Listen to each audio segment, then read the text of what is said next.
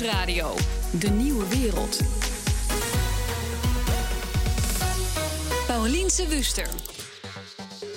Wat als we gewoon zouden mogen falen? BNR De Nieuwe Wereld. We zien alleen maar ook worden, worden doodgegooid met, met alle succesverhalen van mensen. Dat wordt dan automatisch je referentiekader. Dit is Stan van Pelt en Stan die protesteerde tegen onze prestatiemaatschappij met een opinieartikel over je kwetsbaar durven opstellen. Daar heb ik het straks met Stan over. Eerst even die succesverhalen waar hij het over heeft. Daar voel ik me ook een beetje verantwoordelijk voor, want die komen ook geregeld op BNR voorbij. Over dingen gesproken die niet geregeld voorbij komen bij ons. Je hebt mij waarschijnlijk nog niet zo vaak gehoord. En dit is dan ook mijn eerste aflevering van een programma op BNR. En ik wil dan ook vooral niet falen. Dat maakt het proces van zo'n aflevering best wel ingewikkeld, want je wil dat het programma goed is. Maar ja, we hebben het wel over falen, dus knip je dan wel alle stomme vragen en versprekingen eruit? Of mag het allemaal niet te gepolijst klinken en kan je dat beter niet doen? Nou, daar kom ik allemaal nog op terug. Ik begin bij het begin. Wat is nou eigenlijk een fout? Met die vraag kom ik terecht bij Remco van der Drift. Remco is directeur van het Instituut voor Faalkunde.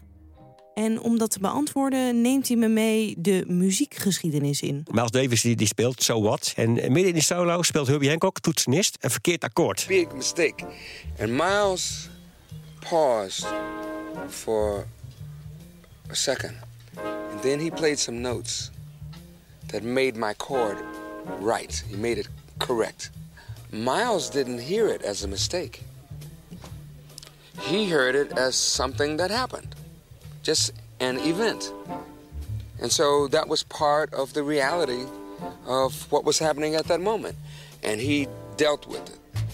Since he didn't hear it as a mistake, he felt it was his responsibility to find something that fit. That, that taught me a very big lesson about not only music, but about life. Dus eigenlijk is een fout vaak niets meer dan een feit waar je vanwege allerlei verwachtingen een negatief oordeel op plakt. Maar dan bestaan fouten eigenlijk helemaal niet. Nou, dat, dat vind ik onzin natuurlijk, want we hebben met elkaar gewoon verwachtingen en regels. Ja, maar als je alles als een gebeurtenis ziet en niet als fout, dan kan je het natuurlijk ook doorredeneren van alles is een gebeurtenis, niks is fout, want je reageert er weer op. Nou, nee, natuurlijk, we hebben gewoon regels afgesproken met elkaar. Als je hier eh, bij de verkeerslijn door rood rijdt en je rijdt iemand aan, dat wil je niet. Dus dan kan je beter stoppen. Dus dat is de verwachting. Als het stoplicht op rood staat, dan stop je. Wat ik hiermee wil zeggen, dat Mhm. oordeel, je hebt heel snel een oordeel op, op dingen die gebeuren. Ja. En de vraag is maar, is dat terecht? Er is niks mis met een oordeel.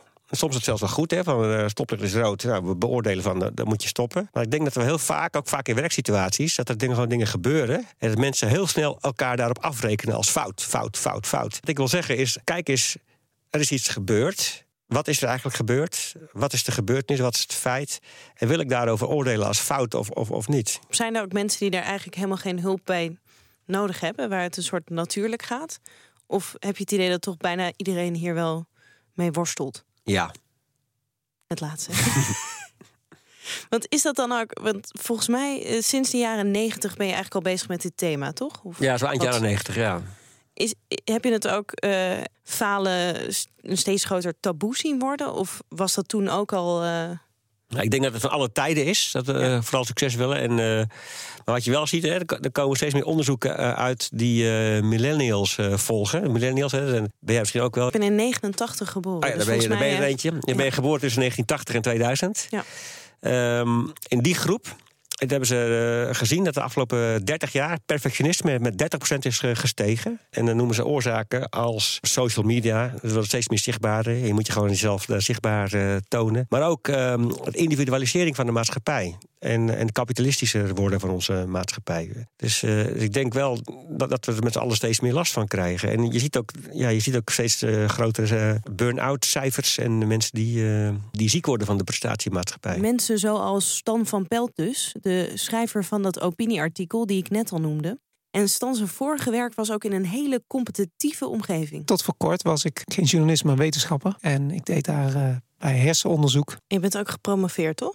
Ja, ja dus eh, daar heb ik eh, promotieonderzoek in gedaan. En daarna nog zelfs een aantal jaren vervolgonderzoek, ook in het buitenland. En op een gegeven moment toen nou ja, toen mijn laatste project afliep, toen dacht ik, ja, nu moet ik dus echt eens kijken of dit nou wel is waar ik tot mijn pensioen mee door wil gaan. Nou, en dat was het dus niet, want je hoorde het al, Stan is nu journalist. En die switch maakte hij niet alleen maar omdat hij de universiteit te competitief vond. Voornaamste was toch wel, denk ik, dat ik wel wat breder geïnteresseerd ben dan, dan wat je als wetenschapper moet zijn. Ik praat in de pauzes liever over andere dingen dan over eh, de nieuwste analyses of de nieuwste artikelen die gepubliceerd zijn in Nature.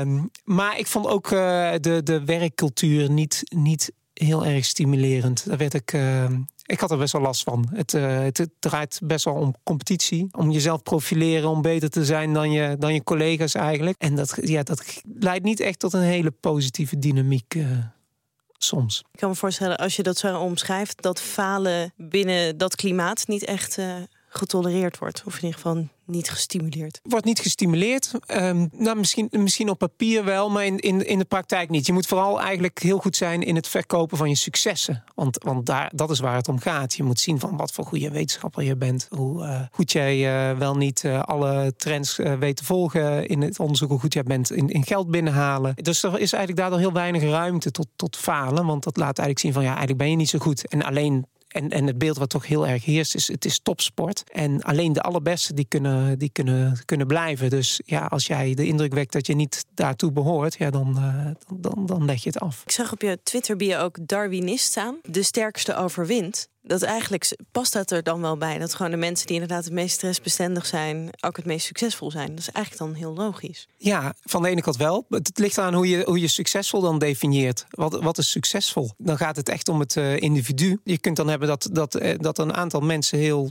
nou, heel, heel succesvol zijn en bovenkomen drijven, veel uh, maatschappelijk succes hebben. Maar daar staan dan ook flink wat mensen tegenover die wat we dan gefaald hebben noemen, uh, of die tussendoor uit zijn gevallen. En dat is als, als maatschappij als geheel is dat denk ik geen, geen wenselijke situatie. Het is misschien voor het ene individu goed, zeg maar de, de, de bankdirecteur ook, maar is daar de maatschappij mee geholpen? Ja, dan, dan heeft één succes, maar dan falen we als geheel nog steeds. Ja. Je hebt ook zelf een, uh, samen met je vrouw een opinieartikel uh, geschreven in het NRC. Om nou ja, te zeggen, we mogen ons wel kwetsbaar opstellen. Uh, waarom heb je dat geschreven? Nou, dat was mede na aanleiding van wat ik, van, van wat ik zeg. Van dat, dat, er, dat er binnen een beetje wetenschap die trend zitten. Maar het is natuurlijk op allerlei plekken in de, in de maatschappij. Je hoort het en je hoort en, en leest er steeds meer over. En uh, ja, en het verontrustte ons uh, wel heel, heel erg. Uh, ja, mijn vrouw loopt ook tegenaan in de, in de werk. Als iets van ja, dat, dat, moeten we, dat moeten we toch uh, kijken of we daar wat aandacht aan kunnen besteden. Dat het niet. Ja, je kunt je afvragen, wil je, wil je als maatschappij zo zijn? Nou, en dat vraag ik mezelf ook wel eens af. Maar ik zou toch niet zo snel naar de krant stappen? Want dan weet je al een beetje wat voor reacties je krijgt. Daar heb je weer zo'n verwende millennial die de wereld niet aan kan. Toen wij vroeger jong waren, moesten we veel harder werken. Maar die angsten die ik dan dus heb, die had Stan helemaal niet. Ik had er zelf eigenlijk heel weinig vrees voor, moet ik zeggen. Hoor. Ik denk dan uh, van, nou ja, kom maar op, prima. Ik sta, ik, sta er, ik sta er gewoon achter. En volgens mij is dit, ik vind dit heel belangrijk. En ik moet zeggen, het, het aantal negatieve reacties viel ook uh, heel erg mee. We hebben best veel reacties gehad op Twitter, op LinkedIn. En nou, ik denk, zeggen en schrijven één wat negatievere reactie. Iemand die, die had zoiets van: ja, stel je niet zo aan. Daar komt het eigenlijk uh, ja. op neer. En, en, vooral veel, juist veel herkenning van veel uh, mensen. Eigenlijk waren alle reacties op jullie artikel heel positief en veel herkenning.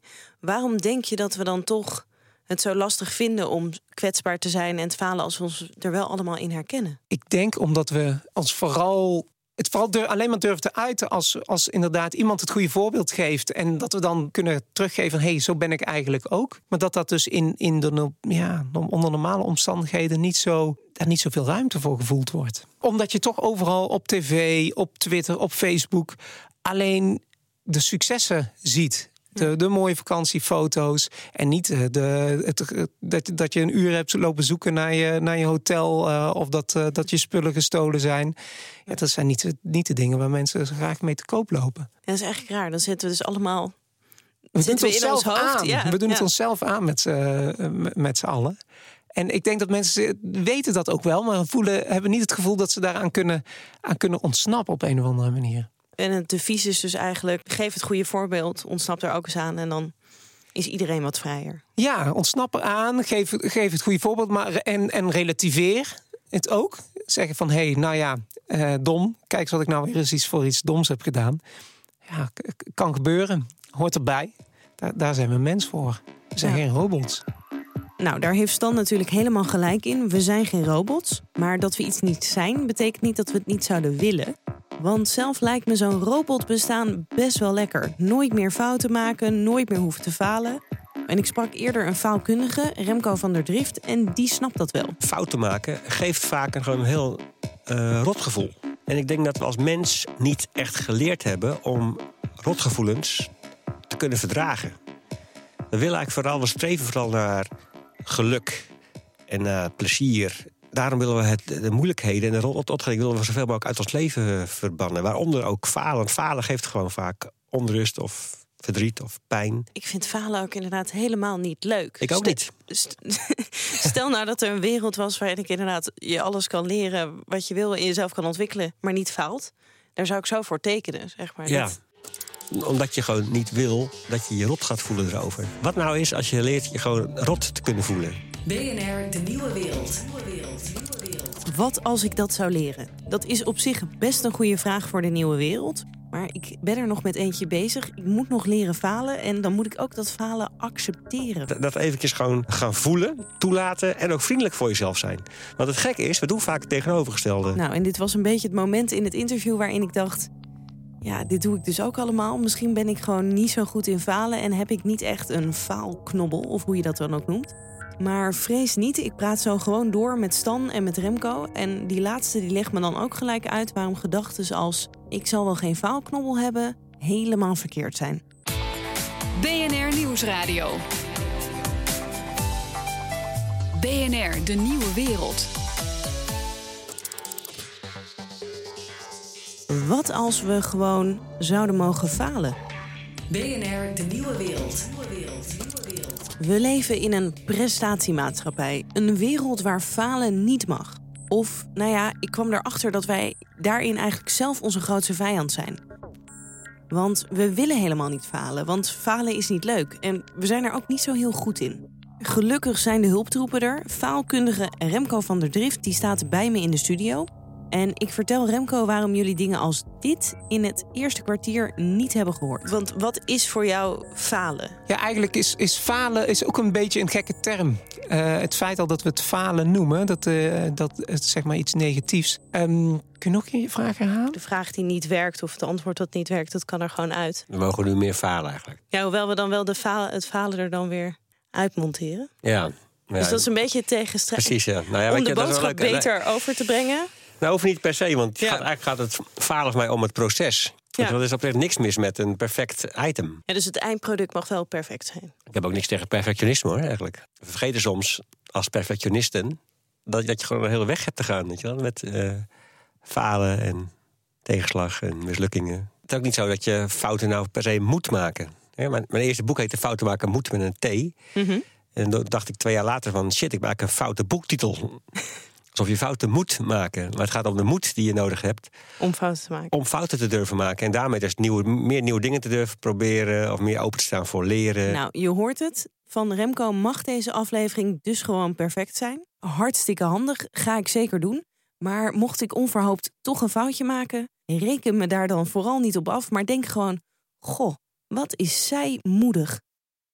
En dat ga ik zelf dan ook maar proberen te denken. Maar dat is best wel lastig. Want dat is niet hoe we normaal gesproken op fouten reageren. Dan falen we en gaan we ook nog eens onszelf op de kop, op ons kop geven. Ja, ik denk toch dat we dan het idee hebben dat je het dan niet meer doet. Ja. Dat je een beetje het gevoel hebt van, nou, nu voel ik me er zo naar over. Die fout maak ik nooit meer, want... Je kan ook denken, oké, die fout heb ik gemaakt. Wat was vervelend. Ik baal ervan, of ik heb er zelfs verdriet van, bijvoorbeeld. Ehm, wat kan ik er vervolgens mee? Dus eigenlijk is het gewoon verwerkt, verwerkt de, de, de last die je ervan hebt. En wat, wat, wat, wat, wat kan ik ermee? En uh, dus op die manier wat meer compassie voor jezelf te hebben, daar sta je veel meer open voor wat er gebeurt in het leven. Kun je ook, hoef je ook, kun je ook makkelijker fouten toegeven? Kun je makkelijker feedback vragen? En ja, dit is misschien een hele domme vraag, maar zijn er ook mensen die beter zijn in falen dan andere mensen?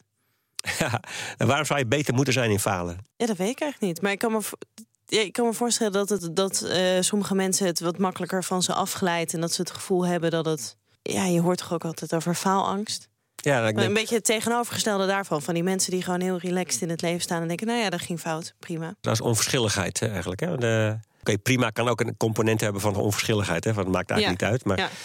ik, Ja, ik misschien ik- meer pragmatisch. ja. Oh, prima. Zo van: nou ja, dit is al Ja, gebeurd. maar ik, denk, ik merk zelf dat ik gewoon. Ik word faalkundiger. Dus ik, ik, dat Ja. is dat goed of fout? Ik, ik geen idee of je er beter of slechter op moet plakken. Ja, en de vraag stellen is de vraag wellicht ook al beantwoorden. Maar het simpele antwoord op mijn eerste vraag was dus: ja, je kunt beter zijn in falen. Of je kunt in ieder geval iets beter worden in falen. En daar heeft Remco een paar tips voor. Sowieso, wees zelf het voorbeeld. Eh, geef je fouten toe. Vraag ook om negatieve feedback. Doe nieuwe dingen. En Remco heeft ook goed geluisterd naar zichzelf. Vorig jaar ging hij naar Valencia om daar Spaans te leren. En zelfs een faalkundige ontkomt dan niet aan dat vervelende stemmetje in je hoofd. Ik ben nu 48, eh, inmiddels 49. Kan ik nog een nieuwe taal leren? Ik heb niet echt een hele goede. Ik heb niet, een echt een talenknobbel. taalknobbel. En precies bij die gedachte gaat het bij heel veel van ons mis. Als je iets wil leren, dan is er namelijk één ding dat heel belangrijk is. Je moet een growth mindset hebben. Dat is een begrip uit het onderzoek van de Amerikaanse professor Carol Dweck. Als je dus net zoals Remco denkt in termen als wel of geen talenknobbel, dan heb je een fixed mindset. En als je denkt, ik kan nu nog geen Spaans, maar dat kan ik natuurlijk leren, dan heb je een groeimindset. En hierbij natuurlijk de disclaimer: zo'n mindset heb je dus niet wel of niet. Het is iets wat je bij jezelf kan aanwakkeren, wat je kan cultiveren. En dat doe je dus door risico's te nemen en jezelf uit te dagen. Precies dus wat Remco deed met die taalkursus. Zat ik in een, in een klasje met allemaal heel veel jonge mensen. En daar kwam ik heel erg die vaste mindset tegen. En phalanx van, oh jee, zijn zij jonger, ze hebben flexibeler brein... of zijn ze beter in, eh, in taal leren. En toen hield ik mezelf een beetje in, hè. Ik durfde wat minder hand op te steken als ik het Spaans niet snapte. En toen dacht ik van, oké, ik moet die mindset veranderen. Als ik iets wil leren, dan zal ik zelf moeten uitdagen. Dus als ik het niet snap, gelijk vinger opsteken. Ik, ik snap het niet. Waar gaat het deze les nu precies over? En dan, weet je, dan moet ik moed hebben om dom te lijken. Nou, met die vaste mindset, dat ik denk, oh jee, eh, nou, laat maar zitten. Want zometeen eh faal ik. Het iets allemaal dat ik helemaal niet zo'n talenknobbel heb. Met die groeimindset denk ik, ik ga dat doen. Nou, en mocht je nou denken, doe mij die mindset ook maar, dan hoef je niet het vliegtuig te pakken naar Valencia. Je kan ook gewoon met de auto of de trein naar Utrecht, naar het Faalinstituut van Remco. Daar kan je dus leren falen en ook op faalfitness. En dan denk je misschien net zoals ik aan strakke gympakjes en dreunende beats, maar dat blijkt toch niet precies te zijn wat ze doen. Nou, wij geven dus vooral aan bedrijven en organisaties workshops, trainingen en eh, lezingen over eh, anders om kunnen gaan met eh, fouten en succes. Dus milder, accepterender, lerender houding. Bedrijven en organisaties, waar moet ik dan aan denken? Allemaal. Allemaal. Ik, ben, ik kan het zo gek niet noemen, of we zijn er al geweest. In de qua sector. En, Ja. En dat speelt overal. Hè? Het eh, principe, je mag niet falen, je moet vooral succes hebben. En, en, het, en de effecten daarvan, negatieve effecten als burn-out, werkstress, verkramping, dat speelt overal. Dus, en ja, het grappige is dat je mijn hele faalkunde is natuurlijk één groot cliché of open deur. Hè? We weten allemaal, fouten zijn goed voor je. Van fouten leer je, goed voor je creativiteit, innovatie. Maar het gekke is dat we niet echt bereid zijn om die fouten te omarmen. Of om risico's te nemen waarbij het grote kans bestaat dat het, dat het misgaat. We zijn eh, heel erg vaak voorzichtig. En eh, fouten, ja, die moeten gewoon toegedekt worden of buiten de deur blijven. Conclusie: we weten allemaal eigenlijk wel wat we moeten doen, maar we doen het maar niet. En vooral op het werk schijnen we falen heel lastig te vinden. Wat ik vaak hoor in mijn workshops of lezingen, mensen zeggen: ja, in mijn werk mag ik niet falen, ik krijg ervoor betaald. En dat is natuurlijk een eh, denkfout. Want je faalt af en toe. Je mislukt soms. En zeker als je jezelf uitdaagt en, eh, nieuwe dingen gaat doen. En het gekke is dus dat het blijkbaar dat als je ervoor betaald krijgt, dan mag het opeens helemaal niet meer. Ja, maar je hebt er misschien wel een beetje jezelf mee op het moment dat, stel dat al mijn collega's inderdaad eh, het voordoen zou van zij zijn heel succesvol en zij falen nooit. En ik ge- geef mijn fouten wel toe. Ja, Dan beconcurreer je ook een beetje je- jezelf natuurlijk. Als iedereen zich eh, heel succesvol voordoet en jij zegt opeens, nou ja, ik faal wel eens. Kijk, als iedereen, want je zegt precies goed, iedereen doet zich succesvol voor. Een succes kun je zien als een ijsberg. Waar het topje van de ijsberg staat voor succes. En onder water hebben we allemaal de mislukking, de, de teleurstelling, de, de tegenslag. Dus als jij denkt, ik geef mijn fouten, vanaf nu geef ik toe. En dat is slecht voor mijn positie, want de anderen falen nooit. Dan maak je een denkfout. Want anderen falen ook. En misschien ben je wel een voorbeeld voor de anderen. Eh, Dat je daarmee een andere cultuur kan creëren binnen je team of binnen je bedrijf. Ja, en dan eh, het is grappig hoe erg je zit in zo'n soort woordkeuze. Want ik wil zeggen van, ah ja, wat is dan de grootste fout die leidinggevenden maken in daarmee omgaan? Maar dan Ja. zit je natuurlijk zelf alweer. Nou ja, daar, daar kan je toch mee beginnen als leiding. Stel dat je, als je, nu, als je nu luistert als leidinggevende en denkt van... Nou, goh, ik zou hier best wel iets, iets anders in kunnen doen met mijn team eigenlijk. Nou, dan zou je eens kunnen beginnen morgen. hey, ik heb het idee dat ik, dat ik gewoon eigenlijk mezelf kan verbeteren. Dat ik soms eh, ja, misschien wat fout opstel als het gaat over eh, het mogen falen bij ons. Nou, laat, laten we daar eens mee beginnen met dat gesprek. Maar helaas, in de praktijk worden dit soort gesprekken toch nog weinig gevoerd. Leidinggevenden die lijken soms ook net mensen en vinden het dus ook best wel lastig om hun fouten toe te geven. Volgens Stan van Pelt, de schrijver van dat opinieartikel, zou daar wel een oplossing kunnen zitten als je fouten bespreekbaar maakt op de werkvloer. Stan is niet de enige die dat denkt. Toevallig had eh, Ben Tigelaar daar een column over in de NRC. Die zegt ook van ja, van, eh, mensen zeggen natuurlijk heel vaak van fouten moet je leren. Maar je moet het vooral dan zorgen dat, dat je het ook zo organiseert dat mensen van fouten kunnen leren en, en bereid zijn hun fouten te, te benoemen. Hij had het over de, eh, over de brandweer. Eh, daar zijn ze dat bijvoorbeeld heel, heel, heel, heel goed in. Eh, nou ja, dat is natuurlijk iets wat ook heel, heel erg eh, voor op het netvlies staat. wat er mis kan gaan als er, als er fouten gemaakt worden. Dus daar is dat heel erg in die werkcultuur ge- geïntegreerd. Dus ja, dat, zo moet je het eigenlijk in, in ook ja, andere, normalere, doodgewone kantoororganisaties eigenlijk ook zien te organiseren. Dat je naar elk project denkt van hé, hey, wat ging er goed? Wat had beter gekund? Wat, had, eh, wat hadden we beter kunnen doen? Hoe, hoe, doen we dat, hoe gaan we daar de volgende keer mee om?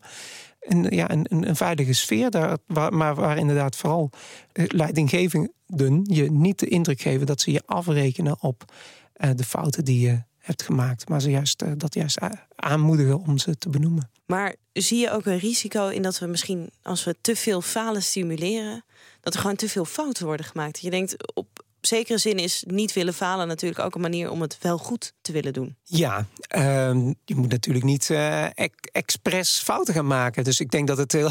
Dat, dat, dat is alweer dat is het andere, Het andere uiterste, uiterste, ja. uiterste. Maar je moet, ook, je moet ook niet de illusie hebben dat, dat altijd alles perfect gaat. En dat is, zo, dat is ook gewoon niet zo. Eh, en hoe meer die illusie wel gewekt wordt, hoe meer mensen gaan denken op het moment dat ze van zichzelf doorhebben van hé, hey, ik heb hier een fout gemaakt. Hoe meer ze dan denken, oh, dit is eigenlijk eh, niet de norm. Dit is eigenlijk niet zoals het hoort. Eh, dit is niet zoals andere mensen het doen. Eh, dit mag eigenlijk niet. Ik mag eigenlijk niet zo zijn. En die illusie die zag Stan dus wel vaak in zijn vorige werk als wetenschapper. En ik vraag me dan ook af, je bent nu journalist en deze wereld is ook best hard en best competitief. Denk je nou echt dat het bij ons zoveel relaxter zal zijn? Ik denk niet dat het, dat het nou 180 graden anders is. Ik denk wel dat er ook binnen de journalistiek wel wat meer relativering in zit. Ja, je bent ook wel op, op, op zoek naar, naar verhalen en naar de waarheid, maar misschien met een wat minder grote W. Omdat je weet, ja, dingen veranderen toch continu en morgen wordt er vis erin verpakt. Ja, nou, vis verpakken in een radio-uitzending, dat lijkt mij best lastig. Maar we zijn op het einde van deze nieuwe wereld. Dus mocht je denken dat het je lukt, probeer het vooral. Volgende week hoor je hier weer Mark Beekhuis. En die zoekt een antwoord op de vraag: wat als robots verliefd worden?